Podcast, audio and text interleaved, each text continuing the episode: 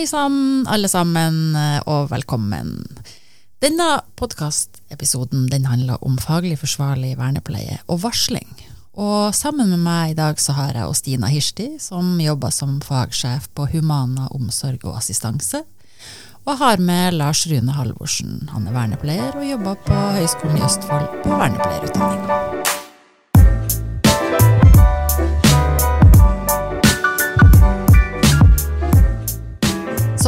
Vernepleier ute i arbeid i tjenestene, så vil man kunne oppleve at eh, tjenestene som gis, ikke er faglig forsvarlig, og da har man jo en plikt å melde ifra om dette. I en undersøkelse som vi i FO gjorde i 2021, så svarte 42% av de vi spurte, at de hadde varsla fra om uforsvarlige tjenester. Det hadde de gjort via arbeidsplassen sitt avvikshåndteringssystem.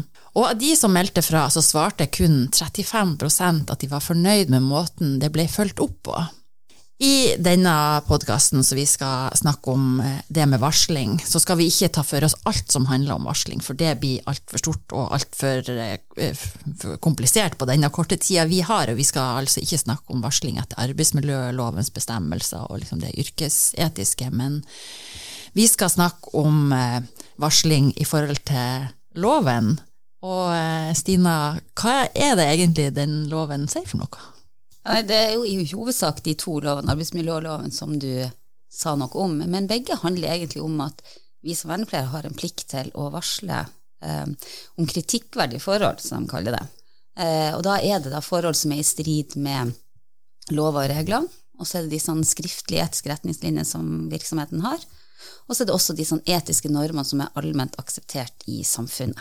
Og i helsepersonellovens paragraf 17 så sier man også at man har en plikt til å varsle om forhold som kan medføre fare for liv og helse, altså da for bruker eller pasient.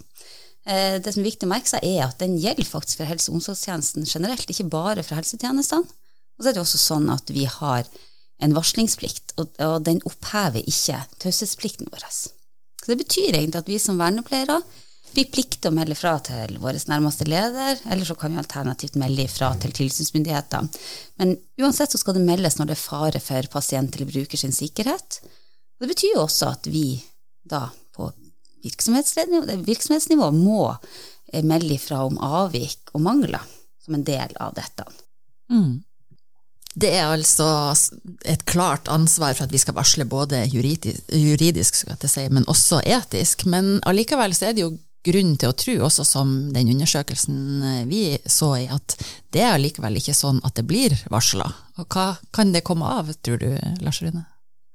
Ja, her tror jeg det er eh, viktig å se litt på hva er det egentlig forskningslitteraturen, altså de som da har forska på varslingsproblematikk. For det er, klart at det, ligger jo et eh, ansvar både for virksomhet å legge til rette for varsling og ha ordentlige systemer, og så pålegger det, som Sina sier, helt klart en, en individuell rett, eller plikt, da, til, å, til å varsle om kritikkverdige forhold. Og så veit vi fra, fra, forskningslitteraturen at dette skjer jo ikke. I så, i hvert fall ikke det mm. omfanget vi skulle ønske.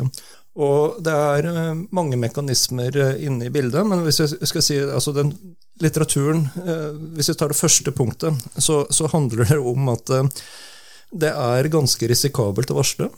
Mm. Og det, det, er, det er et, et, poeng som, som, eh, ser ut til å påvirke folk.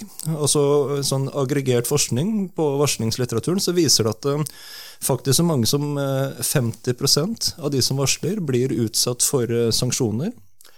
Og det er jo ikke bare da sanksjoner som innebærer at uh, man mister jobben sin, men det innebærer, og heller ikke bare fra ledere, det er like mye det kollegiet man jobber inn i, altså sine sidestilte kolleger, som man kan oppleve ubehageligheter med. Det kan være sanksjoner alt fra disse her mer ubetydelige, sånn som er vanskelig å bli arrestert på. Liksom det er vanskelig å si for at du har blitt utsatt for sanksjoner, altså knytta til at uh, du får kanskje ikke så mange røde dager, som kan være attraktivt hvis du jobber i turnus. Du kanskje ikke får akkurat den turnusen du kunne ønske deg når det er en ny turnusendring. Det kan være at man ikke får ekstravakter.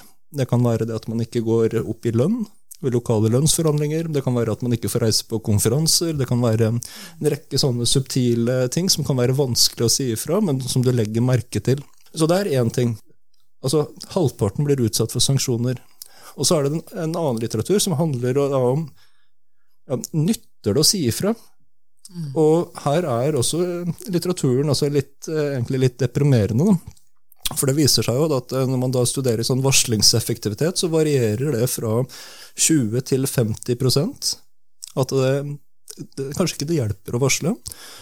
Så hvis du da blir vitne til noe du mener er altså kritikkverdig, så står det ovenfor det at og da, da, har vi ikke engang begynt å snakke med disse gruppepsykologiske effektene som innebærer at du blir konformitert inn i, en, inn i et miljø. Men du, du risikerer da en 50% sjanse for at du blir utsatt for ganske ubehagelige represalier. Og du har da i tillegg kanskje en 50% sjanse for at du uansett ikke fører fram. Mm. Så du, du, har noen sånne tunge faktorer mot deg da, som gjør at eh, det, det, kan kanskje bli litt enkelt å bare si at uh, folk er dumme, umoralske, tar det for enkelt. For det, det, er, det er, faktisk litt vanskelig å varsle. Mm. Ja, det, det, er vel kanskje mange som kan kjenne seg igjen av det, men kan det også være at grensa for når det er faglig uforsvarlig, kan være litt vanskelig å finne? Når blir det egentlig faglig og uforsvarlig? Ja, eh, det er vanskelig å vite når det blir faglig uforsvarlig, egentlig, for det er ikke nødvendigvis en et, vi kan sette to streker under, fordi at det her vil alltid være litt relasjonelt. Selvfølgelig har vi disse minstenormene. Altså, det er veldig enkelt med alle disse eh, klare prosedyrene og alle her tingene. Men når det kommer til hverdagslivet som disse folkene lever, så er det litt mer ullent. Og, og hva er det som gjør at det her er faglig forsvarlig i den enkeltsettinga. For, for, det vil jo være akkurat det som skjer her og nå. Eh, og det gjør det også vanskelig for eh, dette, dette, dette, krysspresset som disse eh, tjenesteyterne står i. fordi det, det, er veldig mange hensyn som de må veie opp mot hverandre. Og, og, hva blir faglig forsvarlig akkurat i denne settingen? Det er ikke gitt at det som var faglig forsvarlig i går, eh, i forhold til Per, er det som er faglig forsvarlig å gjøre i forhold til Kari i morgen. Sånn det, og det er det som gjør dette med faglig forsvarlig så vanskelig, for det er sånn, eh, det er litt vanskelig å få tak på. Det er litt ullent. Mm. Ja, det kan være litt vanskelig å få tak i, og man også kan, som du snakka om, Lars Lune, det kan være noen sanksjoner som, som, gjør at det også man har noe inni seg som gjør at man ikke har lyst til å melde fra. Men, men hvordan skal vi egentlig håndtere dette, da? Det at ikke det meldes ifra om faglig uforsvarlige tjenester, hva er det vi kan gjøre? Det er, for å være på den litt mer optimistiske siden, så er det mulig å, å jobbe ordentlig med varslingsproblematikk. Altså det, det, er klart, Som Sina nevner, altså det, det, er en del tilfeller hvor det kan være litt vanskelig liksom, å vite om er dette bare en lav standard, men ikke kritikkverdige forhold. Men altså, hvis man da likevel lander på konklusjonen at dette er ikke bare da lavlig standard, men akseptabelt, dette er faktisk kritikkverdig, så er det tror jeg altså, viktig å være litt klok. Altså, hvis du kan sette opp sånn, På den ene siden så kan du være altså, for dumdristig. Altså, det er det at det, du liksom ja, Her er det noe som ikke er bra, og man bare kaster seg ut i det. Og, og overser altså, risikoen for at du kan bli utsatt for sanksjoner ikke du fører fram. Og så Si det verste tilfellet, da, at du, du måtte buser ut. Du har en som du yter tjenester til du er kanskje den eneste den personen da kan stole på, altså den eneste allierte. Så hvis du risikerer da å bli måtte, vippa ut, altså havner ut i en sykemelding, havner på sidelinja, så risikerer du at måtte, den eneste allierte den hadde, den er satt ut.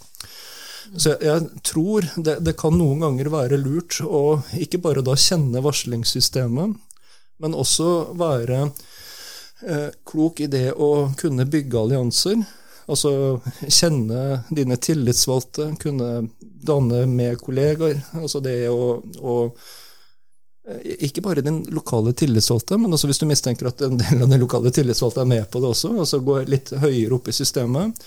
Altså det, det å skaffe seg allianser, det å, å kalibrere med andre instanser, altså det, det å på disse, disse, stedene så har vi eh, hørt at denne måten å gjennomføre praksis på, det er ikke helt heldig. Hva, hva, tenker du om det når vi ser hva vi gjør? Kanskje ikke utfordre direkte de som står for praksisen, men også det å rett og slett sørge for at man har litt kollegial støtte blant de man, man jobber med. Så det, det, betyr det at man rett og slett kanskje fordeler risikoen litt. Mm. Det, det, kan være en måte å gjøre det på. Men uh, åpenbart å varsle. Men man, man, kan kanskje tenke litt på timingen, formen man gjør det på, og ikke minst da dette her med å sørge for at man har litt allianse, så ikke man står helt alene i dem. Mm.